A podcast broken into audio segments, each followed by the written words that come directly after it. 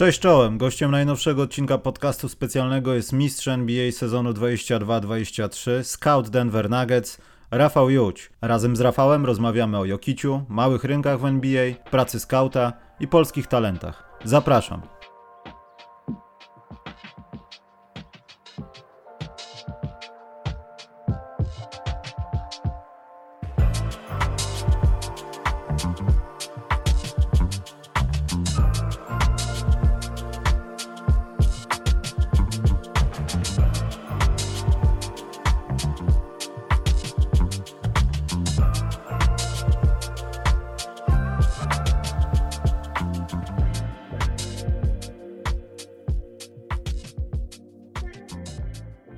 Dzień dobry, witam pana mistrza NBA. Cześć, witam serdecznie. Przede wszystkim, Rafał, muszę cię o to zapytać, czy dostałeś pierścień? Bo wszystkie inne sprawy schodzą na tor y, boczny. Czy ty masz swój pierścień mistrzowski, czy to się w ogóle daje takim ludziom jak ty, czy to już jest jak gdyby nie ta pay grade? Y, to wszystko zależy od organizacji. Byli skauci, którzy tych pierścieni dostawali. U nas w klubie i nasz właściciel Josh Kronki jasno otwarcie powiedział, że każdy dostanie pierścień. Zgodnie z tradycją NBA te pierścienie będą nam rozdane na pierwszym meczu y, nowego sezonu, druga połowa października. Będę oczywiście na miejscu Denver, pierścień swój dostanę, byłem już na oficjalnym y, mierzeniu pierścienia, też zresztą długo z kolegami się śmiałem, że jak tak dalej pójdzie i będę ciągle latał do Stanów, to za chwilę będę musiał zamienić mój pierścień małżeński na pierścień NBA, ale pierścień się będzie zgadzał, więc tak, faktycznie ten pierścień mistrzowski niedługo, niedługo w Polsce będzie. I to jest dosyć wyjątkowy pierścień, no bo rozmawialiśmy tak przed nagraniem, ile to już lat jesteś w interesie i w zasadzie w momencie, kiedy pojawiłeś się w Nuggets, bo tam wcześniej miałeś ten staż, no to można powiedzieć śmiało, że ta sytuacja w Nuggets się zagęściła, pojawienie, pojawienie się Jokicia. E, moje pytanie jest takie, w perspektywie tego czasu, e, jak zacząłeś? No bo wiadomo, początki pewnie były trudne, nie było jakoś tak za prosto się wdrożyć i tak dalej, no jak wszędzie. Co dla ciebie było najtrudniejszego w tym zawodzie? To, Albo jest. To, to naprawdę wiele rzeczy. Po pierwsze, tak, faktycznie to jest praca, gdzie ciągle musisz się rozwijać. To nawet nie na takiej zasadzie, żeby gdzieś mnie zdemotywować czy, czy, czy, czy, czy, czy pokazać, jaka jest presja, ale szef każdego dnia de facto do mnie przysyła maile i, i pokazuje, że są dziesiątki czasami setki ludzi dziennie zgłaszających się na moje miejsce, proponujących swoje usługi, y, żeby wykonać je nawet za darmo. Tak, tak samo też cała branża mocno ewoluuje, zmienia. Akurat w moim przypadku jest o tyle łatwiej, że ten trend graczy international, międzynarodowych jest w lidze NBA coraz mocniejszy. Dziś już prawie coraz trzeci gracz za chwilę będzie urodzony poza Stanami Zjednoczonymi, więc to też sprawia, że i mój głos, i moja praca jest coraz ważniejsza i mam coraz więcej do powiedzenia przy stole. Yy, fajnie, bo taką wielką klamrą, klamrą dla mnie się skończyła, można powiedzieć, pewnego rodzaju przygoda pracy w lidze NBA, takie podsumowanie, bo to dokładnie na zakończenie mojego dziesiątego sezonu pracy z Denver Nuggets udało się wygrać to mistrzostwo, więc pewnego rodzaju koło się yy, zamknęło. Faktycznie, tak jak powiedziałeś, miałem też szansę prześledzić ten klub, można powiedzieć, od zaorania do pojawienia się na absolutnym topie i to też było fajne, że miałem okazję przejść przez te wszystkie szczeble i co ciekawe, dla skauta, nomen omen, im zespół gorszy, tym lepiej, bo mamy więcej wyborów w drafcie, więcej pików, więcej możliwości podejmowania ryzyka. Im zespół lepiej gra, tym tej pracy scoutingowej de facto jest coraz mniej, ale tak naprawdę my zawsze podchodzimy do draftu bez względu na to, jakie mamy wybory, jakie mamy skład, jakie mamy filozofię, bo też zakładamy, że wszystko się może zmienić w każdej chwili. Jeśli chodzi o takie rzeczy, odpowiadając na Twoje pytanie, które mnie najbardziej zaskoczyły, czy było najtrudniejsze, to na pewno na pierwszym miejscu to po pierwsze Y, była bariera językowa. Y, znamy się długo, rozmawiamy, też jesteś wielkim kibicem NBA i też wiele czasu spędziliśmy rozmawiając i, i, i, i sam dobrze wiesz, że język angielski, a, a już funkcjonowanie w tym środowisku, rozmowa z graczami NBA, z trenerami, ten żargon, specyfika pracy była dość trudna i pamiętam jak dziś, jak gdzieś tam pierwsze dwa czy trzy te godziny spotkania przesiedziałem kompletnie cicho, bałem się w ogóle odezwać i szef powiedział, słuchaj Rafał, nieważne jakiś ma, masz akcent, jak formujesz zdania, jak długo masz coś ciekawego do powiedzenia, zawsze będziesz w tym pokoju wysłuchany, to mi dało dużo skrzydeł, a druga sprawa to też taki mm, moment samego siebie uszczypania i nagle jako młody chłopak y, z Warszawy, przecież wiesz, był jeszcze zanim pracowałem w NBA, dość często widzieliśmy się na osiedlu Górce, które też serdecznie muszę pozdrowić, gdzie graliśmy razem w basket. Przepraszam, panie trenerze z Ligi Wiatrów, a tutaj jakieś jeszcze pojedynki były, mistrzostwa zabrane, to też pełno było rywalizacji. Dokładnie. Gdzieś te nasze drogi się przeplatały, a, a później za chwilę y, to co mówisz, z Ligi Wiatrów i prowadzeniem chłopaków po lekcjach WF-u w koszykówkę i, i walki, fajnej rywalizacji, za chwilę siedziałem w pokoju z graczami NBA, z byłymi trenerami, byłymi GM-ami i, i, i, dla mnie to był też taki trudny moment, bo to były osoby, które śledziłem, oglądałem w telewizji, podziwiałem i podchodziłem trochę do tego bardziej jak fan emocjonalnie, więc też trochę mi zajęło, żeby ten mój cały mindset, to nastawienie zmienić. To na pewno było trudne, bo no wiesz, no z tego takiego punktu też nie mówmy fana, no Eurohoops i te tego typu sprawy, no Rafał były znane już na rynku, ale faktycznie to podejście do tego, że to są ludzie już nie tacy trochę wirtualni, a koledzy z pracy nazwijmy to, albo moi współpracownicy, no to naprawdę no, trzeba się do tego przystosować, doskonale to rozumiem. Trafiłem akurat na taki dość specyficzny i fajny okres, yy, kiedy ten internet dość mocno dopiero raczkował. Yy, sam też pamiętasz, czy, czy, czy początki Twittera, czy, czy dopiero takiego Twitter scoutingu i mocnej aktywności online, właśnie tej koszykówki od strony scoutingu, więc miałem ogromne szczęście, że akurat się w tym momencie znalazłem, ale, ale tak jak powiedziałeś, też druga sprawa to jest jednak wytworzenie tych cech personalnych, bycie w klubie i trochę wyzbycie się tego elementu takiego emocjonalnego. Ja dziś każdą decyzję, za każdym razem jestem, trochę się śmieję z kolegami spaczeni, bo nawet kiedy oglądamy mecz, o to może tylko jak jest mecz reprezentacji polskiej, to ja mogę faktycznie być trochę kibicem, się podrzeć, założyć szalik, wypić piwo i obejrzeć ten mecz jak, jak kibic, ale trochę też mi brakuje ty, tych, tych emocji, tego fanu, tej, tej frajdy, adrenaliny, bo każdy mecz, jaki oglądam, to jest stricte biznesowo i zawsze się zastanawiam, jak każda akcja może mieć wpływ na to, żeby sprawić, żeby Denver Nuggets byli lepsi, więc to jest y, pewnego rodzaju w cudzysłowie cena pracy, gdzie, gdzie wyzbywasz się i jednak to się staje twoją pracą, biznesem i cały czas są ogromne emocje, ale już troszeczkę inne niż, niż, niż, niż kiedyś. Czy dalej statystycznie jesteś najmłodszym skautem międzynarodowym, czy już są szesnastolatkowie, którzy pracują dla klubów? 16-latkowie nie, ale faktycznie kiedy dostałem pracę w Nuggets w 2013 roku, to miałem 21 lat. Zostałem najmłodszym pracownikiem ligi NBA e, w historii. Wtedy też cały czas jeszcze byłem na studiach, na trzecim roku dziennikarstwa na UKSW w Warszawie. E, kilka lat później zostałem faktycznie pokonany, w cudzysłowie oczywiście, bo, bo, bo też to moje zatrudnienie odbiło się dużym echem. W Stanach Zjednoczonych zaskoczyło to nawet moich y, pracodawców, że nawet ESPN pofatygował się i gdzieś to ogłosił, zrobił historię, napisał o tym, poinformował. Faktycznie to było duże wydarzenie, bo też przechodziła pewnego rodzaju transformacja przez tę, można powiedzieć, branżę scoutingową i nawet oglądając film Moneyball, czytając książkę, można mieć też spore właśnie wrażenie i to dobrze obrazuje tę sytuację, jak to się zmieniało w tych pokojach yy, draftowych, że jeszcze kiedyś to byli byli koszykarze, byli trenerzy, a dziś ten profil troszeczkę się zmienił i, i, i po tym, jak mi się udało dość mocno wedrzeć na salony i z dużymi sukcesami, nieskromnie mówiąc, yy, wykorzystać moją wiedzę na korzyść Denver Nuggets, moi szefowie zaczęli dostawać telefony, słuchaj, znasz może kogoś takiego podobnym profilu jak Rafał, widzisz, faktycznie są też, mówili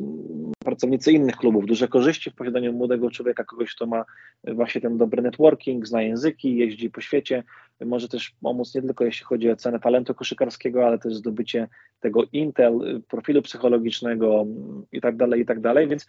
za chwilę, chwilę po mnie faktycznie zaczęło się pojawiać dużo więcej młodych ludzi, ale faktycznie wciąż jestem jednym z najmłodszych. Kurczę, same rekordy jeszcze, kolejny wątek polski, no bo ty też wiadomo Polak, ale wcześniej Vince Boryla, czy tam Boryła, ja jestem zawsze przyczepiony do tego tematu, bo to jest dalej mało znany temat w Polsce. Dlatego też uważam, że to jest świetna rzecz z naszego punktu widzenia. Już tam miejmy gdzieś świat, bo pamiętam, że chyba po tobie był z Indii chyba jakiś jegomość w Los Angeles Lakers. Tak, tak, tak, tak. Tylko ja nie wiem, czy tam nie było tej NBA-owskiej rozmowy, że ileś dni bądź godzin e, dzieli was data urodzenia i dlatego on chyba tam nie został wpisany jako numer jeden wtedy. I tak, faktycznie. Sean Pelister jest międzynarodowym scoutem NBA ciekawy, bo kiedyś razem zaczynaliśmy w internecie, pisaliśmy na tej samej stronie Eurohopes i też ciekawy, że on wygrał mistrzostwo z Lakers, co prawda pierwszy, Teraz, teraz mi się udało z Denver Nuggets, przyjaźnimy się, hmm. cały czas się śmiejemy z tego rekordu, już pokazuje, jak mały jest ten świat. Czyli co? Czyli twoje największe dokonanie w CV to Jokic, czy mamy jakiegoś zawodnika, o którym na przykład nie możesz powiedzieć, bo go dopiero widzisz i on będzie jeszcze większy? Czy to tylko i wyłącznie Jokic? No to, to, to, też się tak mówi pół żartem, pół serio, że najlepsze decyzje skauta to są te, których doradziłem, żeby ich nie podjąć, czyli ostrzegłem mojego szefa, słuchaj, ten zawodnik ma, jest kontuzjogenny, ten zawodnik ma pewnego rodzaju jakieś, nie wiem, problemy z hazardem, z prawem, z alkoholem, używkami, albo ten zawodnik po prostu nie nadaje się stylem, albo ten zawodnik będzie bastem, więc moja praca w dużej mierze to jest właśnie, mówi się scouting, to jest proces eliminacji, wykreślania i minimalizacji tego ryzyka. Wiadomo też, że nie tylko, choć mówi się, że po owocach i poznacie, ale scouting jest o tyle specyficzny, że nie zawsze po prostu twój zespół jest w pozycji do zdobycia danego zawodnika, mimo że kogoś widziałem, ceniłem, polecałem, po prostu nie było takiej możliwości dla nas, albo nie miało to wtedy sensu. Mm, na pewno takim złotym strzałem był Nikola Jokic, bo to był mój pierwszy draft, ale niewiele osób pamięta, że w tym samym drafcie, również za moją rekomendacją i to dużo wcześniej niż Jokicza, wybraliśmy Józefa Nurkicza. Wówczas mówiłem, że Nurkic uważałem ma potencjał, żeby być lepszy. Yy, yy, udało się nam na szczęście wybrać dwóch. Yy, reszta to można powiedzieć jest, jest historia, ale na pewno ten pierwszy rok mojej pracy i już sprowadzenie Nurkicza, Jokicza do, do, do Denver dało mi taki wiatr w żagle, też dość mocno zweryfikowało moje nazwisko, sprawiło, że byłem postrzegany może trochę z większym szacunkiem, że gdzieś tam doceniono moje, moje możliwości, więc na pewno ułatwiło mi to dość mocno start, bo mam dziś kolegów po fachu pracujących w innych klubach, którzy pracują x lat i jeszcze nikogo im się nie udało sprowadzić, a aż tak chyba żartując, to największym moim takim sukcesem transferowym, kogoś się udało też zarekomendować, to był Bo Cruz z Phoenix, czyli Juancho Hernan Gomez, tak? Bo dziś jak jeżdżę po Europie i pytam dzieciaki, czy, czy prowadzę wykłady, spotkania z młodzieżą, to większość z nich kojarzy właśnie Juancho ze względu na film Hustle, Rzut Życia, a nie Nikola Jokicza, dwukrotnego MVP Ligi NBA. Ale na chwileczkę wiem, że każdy będzie cię pytał o Jokicia i tak dalej, bo to jest no niewątpliwie do ciebie brzydko mówiąc przyklejone, ale sam powiedziałeś przed chwilą, że uważałeś, że no na tym wtedy etapie scoutingu, e, bądź też ich wczesnych karier, jak zwał, tak zwał, Nurkic wygląda na lepszego zawodnika. Co w twoim odczuciu? Bo moje pytanie też dotyczy Denver. Czy to jest związane coś z etyką pracy, czy związane coś ze środowiskiem, no bo trzech różnych GM-ów w tym czasie. Co się stało, że Jokic został tym Jokiciem? Czy miał w sobie te predyspozycje, o których, które widzimy, wszechstronność gry i tak dalej? No w zasadzie najlepszy gracz NBA teraz. No, część osób rzuci kamieniem, ale takie są fakty. E, czy było coś wcześniej widać, czy to po prostu ciężka praca, trochę przypadku, wiesz, odpowiednich jakichś e, zawiań wiatru, że tak powiem, w odpowiednią stronę. No bo patrząc na zdjęcia Nikoli, jeszcze podsumowując jego talenty do serbskich zabaw z alkoholem, z końmi i tak dalej, to wiesz, to no faktycznie to mogło być wątpliwe, gdyby ktoś go na przykład nie pilnował, nie pokierował w odpowiednią stronę. Dlatego, no, czy to bardziej zawinili Nuggets, czy to był taki late bloomer, który musiał trochę, trochę się rozwijać, trafić na odpowiednią drużynę, która mu pomaga, jak w tym sezonie? Myślę, że, że na pewno ta historia Jokicza to jest zdecydowanie historia na, na książkę czy na film i wiem, że są już takie prace w Stanach Zjednoczonych. E, odbyłem kilka spotkań czy z dziennikarzami, czy ze scenarzystami. Myślę, że to jest kwestia czasu, aż coś ciekawego powstanie. Zresztą był bardzo fajny film, choćby Disneya na temat początków i drogi Janisa Adekodumbo i też w przypadku Jokicza moim zdaniem to zdecydowanie zasługuje, bo jest tyle ciekawych wątków wciąż jeszcze nie do końca opowiedzianych. Y, myślę, że po trochu te wszystkie czynniki, o których wspomniałaś, ale na pewno bardzo mądrze prowadzona kariera przez wielkiego ocenionego agenta w Europie, na świecie, Myszko Raznatowicza, który przede wszystkim w momencie, kiedy choćby Wielka Barcelona przyszła do, do, do, jego drzwi z kontraktem dla Jokicza, zaufał Nuggets, postanowił postawić na dość ryzykowną ścieżkę, bo jeszcze wtedy, jak się cofniemy do tego roku 2013-2014, to wcale nie tak chętnie młodzi gracze wyjeżdżali prosto od razu do NBA, bez jeszcze renomy, bez przygotowania, bez szans na grę od razu. Mm, my też nie byliśmy drużyną o jakiejś ugruntowanej pozycji, renomie, zmiana trenera, y, nowy, młody GM, więc y, Miszko Raznatowicz, agent, miał świetnego nosa, też zaufał naszym spotkaniom i naszemu planowi, jaki przedstawiliśmy na Jokicza.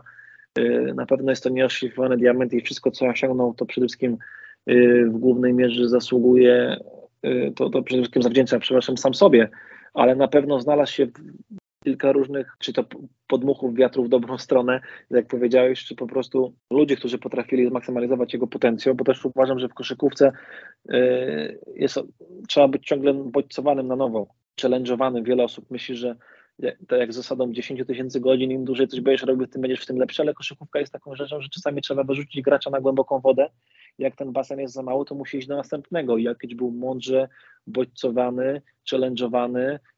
ciągle poddawany nowym bodźcom, nowym motywacjom, nowym wrażeniom i dzięki temu rósł i na pewno też jego fit z tenerem Michaelem Malonem, który był w stanie tak skroić ofensywę, tak z nim zbudować relacje, tak mu zaufać, tak też dostrzec jego geniusz, no bo gdzieś patrząc z perspektywy czasu niewielu trenerów oddałoby, yy, jak sam to powiedziałeś, lekko tyłemu, uśmiesznie biegającemu nastolatkowi z Serbii, jeszcze bez dobrej znajomości języka i amerykańskiej kultury, klucze do prowadzenia drużyny NBA. Więc na pewno Jokic jest pewnego rodzaju artystą. On też musi się dobrze czuć, musi być w odpowiedniej sytuacji. I tak jak z każdym geniuszem, nie zawsze jest zrozumiany przez swoich rówieśników czy przez otoczenie. I czasami potrzeba po prostu czasu. Ja sam pamiętam, jeszcze jeździłem, oglądałem Jokicza zanim trafił do Denver Nuggets, bo to było w 2011-2012 roku i, i sam nie do końca dostrzegałem jego geniusz, bo to też jest typ zawodnika, który z każdym meczem y, wyciąga wnioski, uczy się z każdym miesiącem, tygodniem, treningiem jest coraz lepszy, więc sam zastanawiam się, gdzie jest jego sufit i, i co on jeszcze może osiągnąć, bo, bo, bo, zawsze przed sezonem gdzieś się spotykamy z Nikolą, z jego agentem, z jego staffem i gdzieś tam staramy się dawać mu nowe cele i ostatnio jak już siadamy, no to de facto się zaczynamy śmiać, bo co my jeszcze nowego od niego możemy oczekiwać i, i prosić, a nawet jeśli coś przed nim damy, to on tak to pobije, więc się zastanawiamy, czy to w ogóle ma jakikolwiek cel, bo, bo Jokic największą jego motywacją on jest sam dla siebie. No tak jeżdżąc po świecie i obserwując, bo ty wcześniej wspomniałeś o Moneyball, tu też jest moje takie trochę pytanie, jak wygląda wybieranie w drafcie albo po prostu przyglądanie się e, talentom w momencie, kiedy zdobywasz tytuł mistrzowski i faktycznie no nie masz za specjalnie dużego pola do popisu, żeby pozyskać jakiegoś gracza. Czy to jest bardziej już wtedy, w ogóle już nawet pomijając, czy wy, wybierasz z pierwszym pikiem, to bardziej dla takiego skauta to jest wyczucie, czy kierowanie się jakimiś wytycznymi od no, zarządu albo twoich bezpośrednich zwierzchników działu scoutingowego, e, że musi ten gracz spełnić takie i takie warunki. Wiesz, bo też się zastanawiałem, jak bardzo ty możesz popłynąć swoim własną jakimiś preferencjami, że nie wiem, jedni ludzie, tutaj fanostwo się kłania, jedni ludzie wolą wysokich kozłujących, dru, drudzy rzucających za trzy punkty, jak coś ci podpasuje w tej, nazwijmy to, w tym schemacie od zarządu, to ty jesteś w stanie skręcić w tego gracza twojego ulubionego, czy no nie masz na, na to szans? To prawda, każdy z nas koszykarsko ma jakieś y, preferencje. Przede wszystkim najważniejsze jest operować z tym samym mindsetem, którym operuje head coach i generalny menedżer. Oni wytaczają trendy, filozofię, styl gry, dlatego tak ważne jest, y, aby często był w Denver Nuggets, zawsze pojawiam się na obozie przygotowawczym, poznaję cały playbook, styl gry, zagrywki, preferencje koszykarskie i osobowościowe naszego trenera, jeśli chodzi o charaktery, styl pracy, sposób komunikacji z zawodnikami. Ja doskonale wiem, kto się sprawdzi dla Michaela Malona, a kto nie, kto dla niego może grać, a kto nie. Też wykonuję ten zawód i mam szczęście, że pracuję w jednej drużynie i tak to często mówię, jeszcze nie nawaliłem i żaden z trzech GM-ów mnie nie zwolnił, y, co już jest dużym osiągnięciem w samym sobie, bo jest specyfika branży jest taka, że jest bardzo dużo zmian,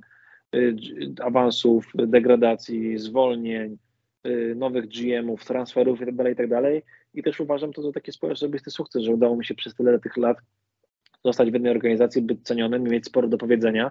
I, I, faktycznie mamy specyficzny swój styl gry. Szukamy zawodników, którzy będą pasować do tego, co chcemy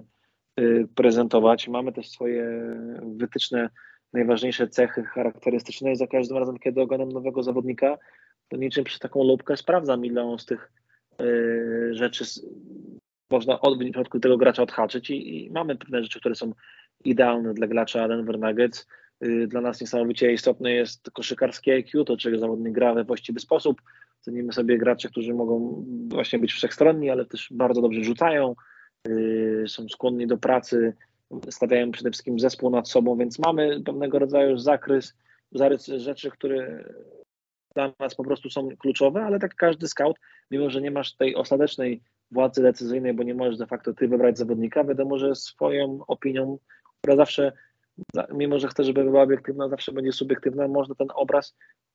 namalować. My też często mamy takie zajęcia i szkolenia, warsztaty właśnie z tego, jak y, dziś postrzegamy, jak budować zdanie, jak oceniać zawodników, jak porównywać i, i y, samo w sobie jak słowo ktoś jest atletyczny też nie do końca dobrze oddaje, tak, bo, bo nie chcę dawać przykładów koszykarskich, ale ktoś może być y, szybki, to mówimy szybki jak Kamil Grosicki, tak, Często staramy się jasno określać te nazwiska, porównywać, dawać przykłady i, i często takie mamy zadanie zawsze jak przyjeżdża nowy scout, to, to często na przykład we dwójkę się do siebie obracamy i szef mówi, nie wiem, narysuj dom yy, z dużym oknem, z budą, z psem i potem porównujemy, to jest to samo polecenie, ten sam obraz, a przez nas kompletnie inaczej narysowane, bo, bo dla ciebie duży dom może być na półkarski, a dla mnie na jedną czwartą. I tak samo jest z zawodnikiem, ktoś może być wysoki, silny, więc te, te rzeczy staramy się, żeby one były jak najmocniej określone, żebyśmy operowali z, z tymi samymi normami, z tym samym porównaniem. Dlatego też zawsze każdy proces scoutingu zaczyna się i kończy na Twoim własnym zespole. Musisz znać każdego zawodnika na wylot, musisz mieć tutaj jasno określone cechy, które sprawiają, że ten gracz w Twoim zespole się sprawdza i tak samo ciągle analizujemy nasze wybory lat poprzednich, składy sprzed dwóch, trzech lat, dlaczego dany gracz się nie sprawdził, dlaczego danego gracza oddaliśmy, dlaczego dany gracz nie pasował trenerowi. Już tak powoli zbiegając do końca e, działu scoutingowego, to czy przez te, może nie przez 10 lat, ale czy może przez jakieś ostatnie lata jesteś w stanie e, bo ja już powoli coraz mniej, wiadomo, no ty wszystko widzisz od środka, ja obserwuję wypadkowe, tak jak reszta ludzi w internecie, ale czy to jest tak już, że nie jesteśmy w stanie odczytać różnego rodzaju talentu z, różnego, z różnych miejsc świata? Piję tutaj bardziej do tego porównania, wiesz, w Europie zawsze się potrafiło rzucać, w Stanach nigdy się nie potrafiło rzucać, oczywiście to stereotyp i ten sposób szkolenia. Czy teraz to już jest jedno i to samo, bo tak gra zrobiła się globalna, czy dalej mamy jakieś takie wiesz, punkty wspólne, że jak pojedziesz na Bałkany, ci ludzie będą wolni, nie zawsze trzeźwi, ale dobrze ci podadzą, rzucą za trzy punkty i IQ mają takie, że mogą jeszcze w międzyczasie rozwiązywać krzyżówka i tak wiedzą, co się dzieje w grze. Czy to już kompletnie się jak gdyby wypłaszczyło? Czy są na pewno pewnego rodzaju stereotypy, ale oczywiście my staramy się nie generalizować, indywidualnie podchodzić do każdego przypadku i dziś tak samo jak żyjemy w takiej globalnej wiosce i era globalizacji sprawia, że ci gracze europejscy przede wszystkim są jeszcze lepiej przygotowani niż kiedyś, bo dziś czy to jest chłopak urodzony na Słowenii, czy, czy, czy w Stanach Zjednoczonych, w Los Angeles, oni zazwyczaj noszą te same ciuchy tych samych firm, jedzą y, w tych samych fast foodach, oglądają te same seriale na Netflixie, więc przede wszystkim ten aspekt kulturowy, y, też podejście do życia, świadomości, etyki pracy jest na dużo wyższym poziomie w przypadku graczy europejskich i dlatego też jest coraz większe zapotrzebowanie, ale też widzimy, że w Stanach Zjednoczonych mimo wszystko te warunki do rozwoju, jeśli chodzi o zaplecze, staw, środki finansowe, naukę, inwestycje są no, najlepsze na świecie, jest też tam największa rywalizacja i dziś nowy kolejny trend, gdzie europejskie talenty coraz chętniej y, dołączają do NCAA, grają przez college, starają się w ten, w ten sposób do, docierać do ligi NBA, więc dla nas każdy gracz jest wyjątkowy, każdy gracz jest inny i też mamy takie motto, które jest u nas y, w sali konferencyjnej w biurze, że nieważne, czy ten gracz jest z Kaunas, czyli z Kauna, czy z Kansas, dla nas to, to jest gracz koszykówki i każdy jest inny, każdy jest wyjątkowy, każdy jest specyficzny i, i mieliśmy w naszej historii choćby taki właśnie jaskrawy przykład Jokicza, Norkicza, de facto dwóch graczy z Bałkanów, a kompletnie innych, o innym temperamencie, innym podejściu, innej historii rodzinnej, innej etyce pracy, innym koszykarskim IQ, y, innym w ogóle podejściu do życia w Stanach, w NBA, funkcjonowaniu w zespole, więc to też jest pewnego rodzaju praca skauta, bo to jest nie tylko wybieranie najlepszego zawodnika, ale też scoutingu. Y, wiedza jest walutą, czyli im więcej wiesz, tym jesteś bogatszy i to też pewnego rodzaju moja praca, żeby przygotować szefa i tutaj przede wszystkim generalnego menadżera i head coacha na wszystkie potencjalne zagrożenia. Budujemy drzewko, u jakich trenerów dany zawodnik był, jakie rzeczy na niego działały, dlaczego dziś, co powoduje pewne zachowania może, nie, może podświadomie, może nie podświadomie w jego psychice, w jego też koszykarskiej karierze, rozwoju, decyzyjności. Y, nie chcę powiedzieć, że staramy się przewidywać przyszłość, ale zawsze historia jest najlepszym wyznacznikiem przyszłości. Y, dlatego też na każdego zawodnika, i to nie mówię żeby kogoś przestraszyć, ale mamy grube teczki, w cudzysłowie pół żartem, pół serii, mamy masę wiedzy, e, rozmawiamy ze wszystkimi, e, z kim, do kogo możemy dotrzeć. Ja zazwyczaj, jeśli w przypadku takiego gracza jak Jokic, czy Juan, czy Hernan Gomez, to rozmawiam z grupą ponad 20-25 ludzi, często bez wiedzy danego zawodnika, więc mam nadzieję, że to są zazwyczaj takie szczere informacje od serca, które pozwolą nam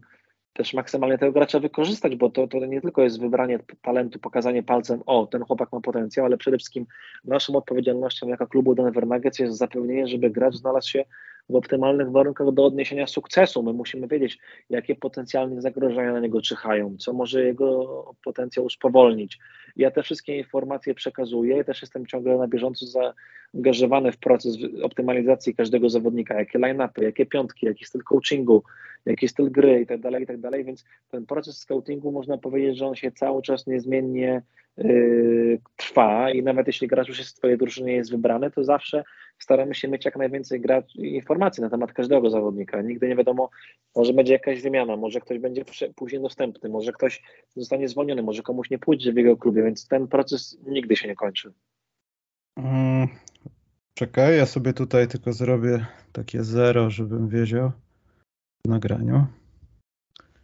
Y, dobrze, to jak gdyby temat scoutingowy mamy zamknięty. Ja mam y, jedno pytanie dotyczące Nuggets. Y, proszę mi powiedzieć, panie Rafale, kto jest teraz oprócz wiadomo Jokicia, który jest cały czas piękny i młody,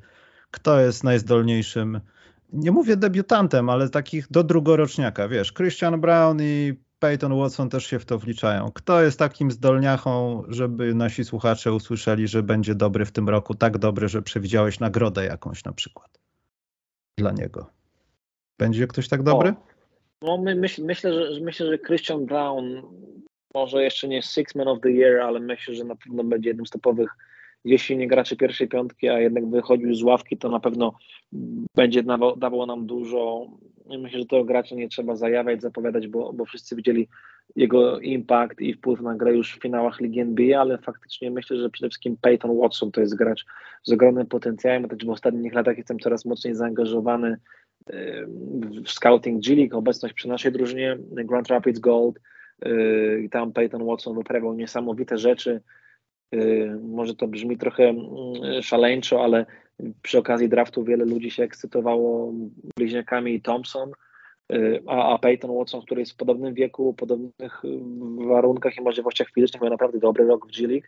i, i po tych odejściach przede wszystkim Bruce'a Browna, a też Jeffa Greena, kontuzji Wladko Czanczara, myślę, że tu pojawia się ogromna szansa. Peyton Watson to jest koszykarski freak, atleta wszechstronny, ale przede wszystkim z niesamowitym IQ, czego oczywiście fani mogą nie wiedzieć, no bo nie mają z nim takiej styczności jak ja na co dzień. Yy, świetny defensor. Naprawdę myślę, że już też pokazał próbkę swoich możliwości na lidze letniej i spodziewam się naprawdę dobrego sezonu z jego strony. A z debiutującej klasy, jak pan Strouter,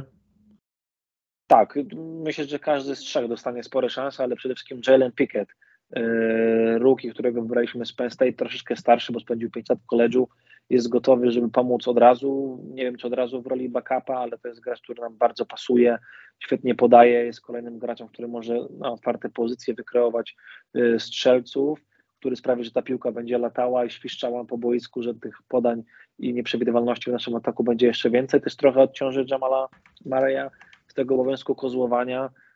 wyprowadzania piłki i, i trochę da mu odpocząć i da, skupić się na tym, co daje mu największy fan, czyli zdobywanie punktów. Ale myślę, że każdy z tych, z tych rukich będzie miał ciekawą, fajną rolę i to też jest taki proces, że jak drużyna odnosi sukces, staje się droższa, ciężko wszystkich zatrzymać i dlatego też poniekąd robimy taki reloading i, i może w pierwszych tygodniach, miesiącach ludziom się będzie wydawało, że wykonaliśmy krok w tył, ale może po to właśnie, żeby zrobić za chwilę dwa w przód. Że tak powiem, Rafał, wasza drużyna coraz mniej może już polegać na sezonie regularnym. Ważne, żeby być na jakimś topowym miejscu i kontynuować e, no, grillowanie przeciwników w playoffach. No, to już jest chyba ten cel, bo chyba już nie, nie możemy mówić, Rafał, o tym, że Denver Nuggets z całym szacunkiem mają świetną grupę scoutów i tak dalej, ale już chyba nie muszą, e, nie muszą, nie musicie iść w tą młodzież, tylko bardziej jest chyba akcent na to, żeby utrzymać to, co jest, czyli po prostu zrobić powtórkę z rozrywki i zdobyć kolejny tytuł, czy, czy jest zupełnie inaczej? On na pewno to też widać po ruchach transferowych y, y, i tak samo po wyborach w drafcie, bo dwóch z trzech tych zawodników, a zresztą żaden z nich nie jest one and done, żaden nie jest freshmanem, żaden nie jest y, rok po koledżu, tylko tak jak Jalen Pickett i Hunter Tyson to są ludzie, którzy byli 4-5 lat, są, mają 20 już kilka, są doświadczeni, mogą grać od razu, są fizycznie doświadczeni właśnie też koszykarsko, życiowo i na przede wszystkim znajdą się w tej szatni, bo ludzie sobie nie zdają sprawy, że talent to jest jedno, ale żeby zafunkcjonować w pewnej grupie ludzkiej trzeba ją kupić, zdobyć szacunek, a, a też granie z Jokicem, Marejem i, i z resztą tej bandy, a przede wszystkim granie dla trenera Michaela Malona, to jest wiadomo, że wielki y, zaszczyt, ale też duży obowiązek. Są pewnego rodzaju wymagania koszykarskiego IQ, poruszania się po boisku. Świetnie to było widać na przykładzie Christiana Browna, który od razu jako ruki był w stanie się w tym odnaleźć, no to nie jest też dla każdego. I to też mocno nam wytacza, jakich graczy my szukamy. Nawet nie mówię o umiejętnościach koszykarskich, ale bardziej właśnie o tych cechach osobowościowych, podejściu do pracy, o znalezieniu się w szatni. Zdobyliśmy to jedno mistrzostwo, jeśli Jokic, i to było dla nas bardzo ważne, bo, bo chcieliśmy też pokazać Jokiczowi, historia widziała, że wielu zawodników było, choćby jak Damian Lillard w ostatnim czasie, ale nie chcę tutaj oceniać innych zespołów czy innych zawodników, ale no jeśli masz takiego superstara, to jest też ogromna odpowiedzialność twojej organizacji pokazać jemu,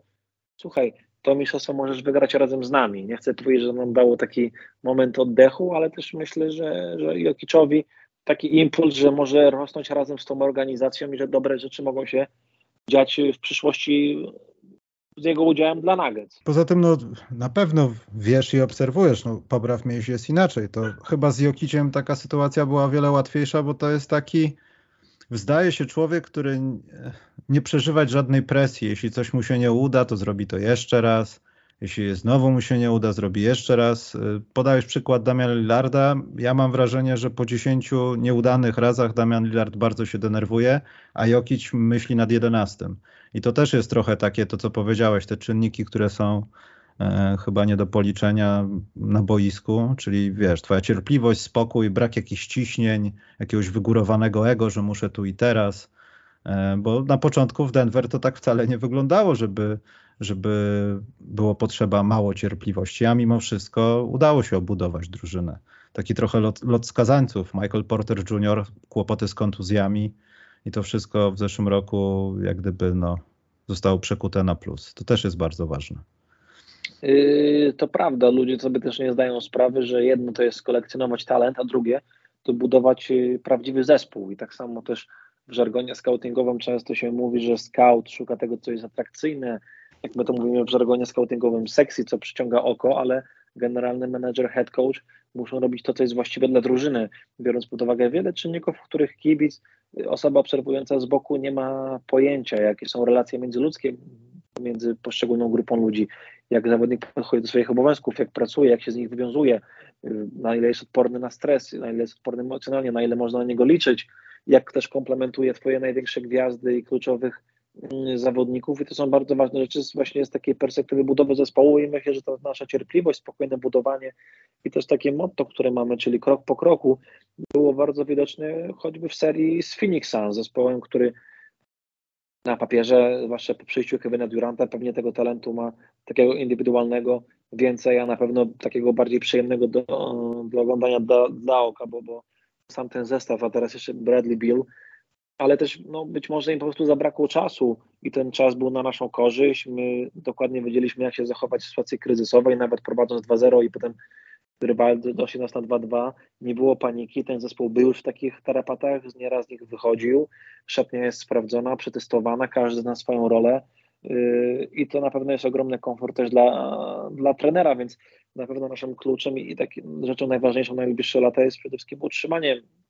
tej pierwszej piątki. Wszyscy gracze są pod kontraktami jeszcze na minimum rok, dwa, więc no, mam nadzieję, że w NBA raczej ciężko jest powiedzieć, że słuchaj, w tym roku planujemy zdobycie mistrzostwa, ale mówi się, że już awans do finałów konferencji, to to jest ogromny sukces, a wszystko, co się wydarzy w tym Final Four, czyli finał konferencji, wielki finał, to też wiele polega na matchupach, na zdrowiu, na kontuzji, na jednym meczu, na serii, yy, właśnie na jakiejś taktyce, na, na jakimś smaczku. To są rzeczy, które ciężko jest przewidywać teraz, kiedy my rozmawiamy w sierpniu, ale Dokładnie. Nadzieję, że, że jeszcze przez kilka następnych lat Nuggets będą w grze o te najwyższe cele, no bo też na to zasługuje przede wszystkim Nikola Jokic czy Jamal Murray, na to, że zaufają tej organizacji, że chcą być z nami, że, że tutaj mają ogrom, wiele do powiedzenia i, i, i cały czas też się poprawiają, wzmacniają, walczą i myślą przede wszystkim o zespole i o kibicach Nuggets. E, przede wszystkim to też jest kolejny dowód zaraz po Milwaukee Bucks w, że powoli, to też chciałem o to zapytać, ale to jest trochę pytanie retoryczne, że no ja wiem o tym, że mamy jeszcze Indianę, Charlotte i gdzieś tam nie, nie, nieudane Sacramento cały czas, nieudane pod tym względem, że czekamy cały czas, miejmy nadzieję, że coś nastąpi tam pozytywnego w Sacramento niż wejście do playoffów czyli na przykład finał konferencji z Denver Nuggets. Ale jak wygląda sytuacja związana z, mały, z, tak zwanymi małymi rękami? Czy one już według Ciebie zniknęły z NBA? No bo tak, Wy zdobyliście tytuł, Bucks zdobyli tytuł, Pokazana jest sytuacja taka, że warto mieć jednego zawodnika, którego się dba, młody talent. Tutaj jest Antek, tutaj jest Nicole, e, tutaj jest Jokic. E, czy myślisz, że to jest jakaś już teraz zasada, że dzięki tym wszystkim przepisom, umowie zbiorowej, masie innych czynników, już możemy nie mówić o małych rynkach, tylko mniej lub, le, mniej lub bardziej skutecznie zarządzanych organizacjach? No, myślę, że na pewno w ostatnich latach dość takie popularne słowo to są równe szanse, równość i na, na wielu szczeblach, na różnych poziomach. E, jest to powtarzane nie tylko w Stanach, ale też w NBA.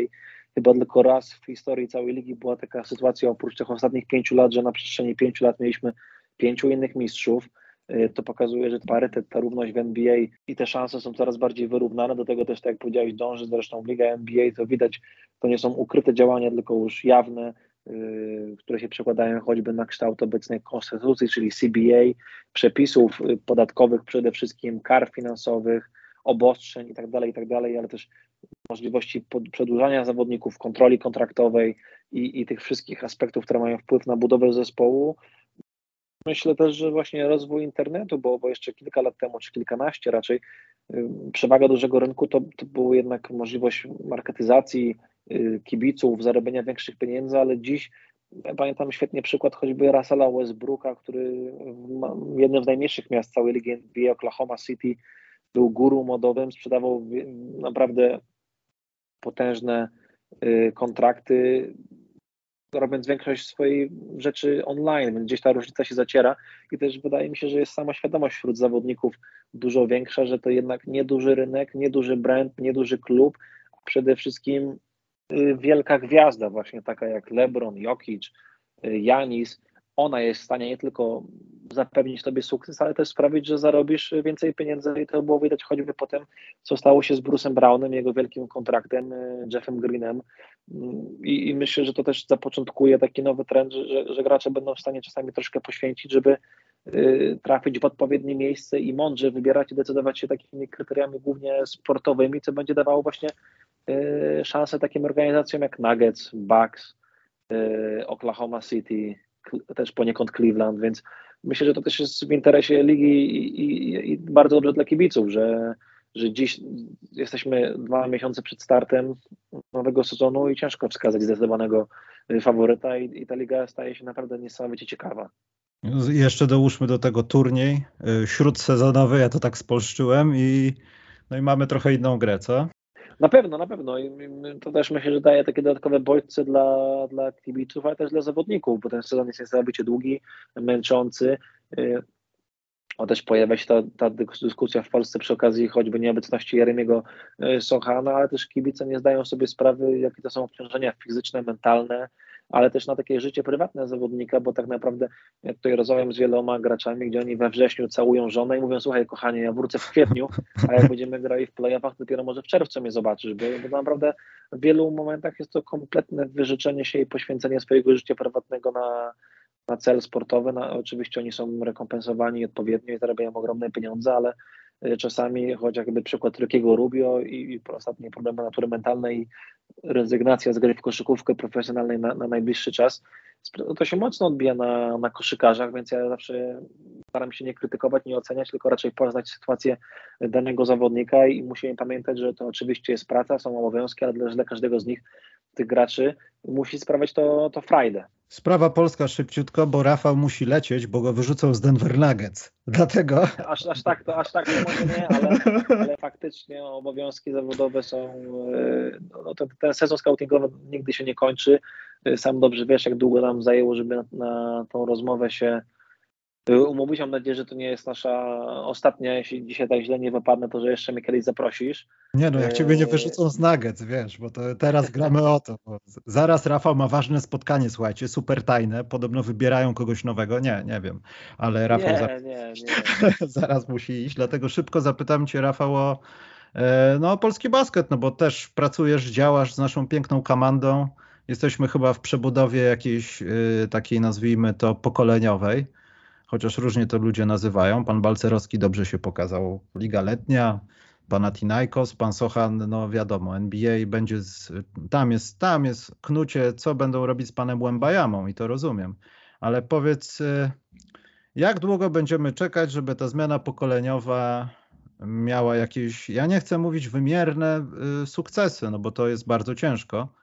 ale kiedy będzie lepiej, tak kolokwialnie? O, to, to, to jest na pewno temat rzeka. Jeśli chodzi o produkcję w ogóle graczy talentu do ligi NBA, no to też nie jest przypadek, że większość naszych graczy, którzy zagrali w NBA, wychowała się mimo wszystko koszykarsko poza granicami Polski, bo Sochan to były Stany, Niemcy, Wielka Brytania. Marcin Gortet największy progres robił też w Niemczech, musiał wyjeżdżać z Polski. Y, Maciej Lampę tak naprawdę też wychował się koszykarsko w szkółce Realu Madryt. Y, gdzieś tam sam śledzę rozgrywki młodzieżowe, staram się aktywnie brać udział, dopingować wielu moich kolegów, przyjaciół z boiska, dziś są trenerami, działaczami, pracują w związku, lidze i staram się też zawsze dzielić swoim doświadczeniem i, i tym, co widzę w innych krajach, ale ciężko to wszystko przełożyć z jeden na jeden, bo to jakby tak było, to, to myśmy skopiowali, co robią w NBA i zrobili to w Polsce, ale to, to, każdy mógłby tak zrobić, tak to wcale nie działa. Przede wszystkim potrzebne jest cały czas szkolenie trenerów, zapewnienie im lepszych warunków. Dziś tak naprawdę takiej pracy jak trener koszykówki, sam dobrze o tym wiesz, y, nie ma. Dla wielu to jest druga praca, działanie hobbystyczne. Y, musimy cały czas popularyzować koszykówkę i masowość, mieć coraz więcej adeptów koszykówki, też docierać do małych miast, miejscowości, bo w takich ośrodkach jak Warszawa, gdzie my funkcjonujemy, tych klubów jest wiele, ale też czasami pojadę gdzieś do naszej rodziny, czy na obóz sportowy do, na małe wsie i tam mm, nie ma w ogóle dla młodzieży możliwości nawet, żeby w koszykówce się spróbować. I do tego musimy dążyć. To też widać po, po wynikach młodzieżowych reprezentacji Polski, że ta intensywność, talent, no, jesteśmy jednak za, za tymi krajami Europy Zachodniej, choć w ostatnich latach naprawdę mamy niesamowity progres, coraz więcej młodych graczy wyjeżdża w Europę, mamy coraz więcej dobrych trenerów, y, liga wygląda coraz profesjonalniej, kadra Polski na dwóch ostatnich dużych imprezach, w ósemce Mistrzostw Świata, w czwórce Eurobasketu i, tak jak mówiłeś, Ponitka, Balcerowski, Sochan, do tego jeszcze bym wrzucił Bernardina Podziemskiego, który mam nadzieję, że uda się doprowadzić wszystko, żeby zagrał też w kadrze, więc na pewno dla kibiców to nie chcę powiedzieć złoty okres, ale naprawdę taki napawający optymizm, który na pewno nie powinien przysłonić tego, co dzieje się na dole tej piramidy i, i nie możemy ciągle zapominać o trenerach, o małych ośrodkach, o szkoleniu, o, o koszykówce młodzieżowej. W takim układzie, Rafał, zapraszam Cię od razu jeszcze raz, o ile Cię nie wyrzucał. Dziękuję Ci za dzisiaj. E, no i liczę na to, że będziesz gościł częściej i będziesz na przykład co jakiś czas pisał, że widziałeś jakiegoś młodego, grubego Bałkańca, który co prawda nie lubi konia, lubi kotki i chciałby grać w NBA. Wtedy ja będę pierwszy w ogłaszaniu jakichś talentów i Ty będziesz pierwszy też y, tutaj na łamach podcastu specjalnego. Dlatego łączę to bardzo wszystko i dziękuję za rozmowę. Ja również dziękuję, no i mam nadzieję, że może nie, nie Bałkańców, a niedługo uszy Polaków. Bo o, ja się boję, nie, ja się bałem to mówić, to nie, to, to tak. dobrze, to ja sobie życzę. Też fajnie widzieć też właśnie na przestrzeni mojej pracy w lidze NBA, że jednak ta wiedza wśród kibiców, między innymi właśnie dzięki takim podcastom jak Twój, ale też tego, co się dzieje na Twitterze, w mediach społecznościowych, również w telewizji, że ta wiedza jest coraz większa, że jest coraz więcej młodych kibiców koszykówki, że coraz więcej ludzi w tych koszulkach NBA widać, że NBA też to dostrzega, że wkrótce, mam nadzieję, będzie więcej eventów w Polsce, nie tylko właśnie NBA Junior League, ale też będą przylatywać trenerzy, zawodnicy i, i, i że, że polska koszykarska też będzie z tego mogła korzystać, bo tutaj tych wariantów koszykarskich, jak to mówię, jest, jest sporo. Mam nadzieję, że tej okazji do rozmowy będzie jeszcze więcej. Zapraszam serdecznie i dziękuję jeszcze raz. Trzymaj się. Dzięki.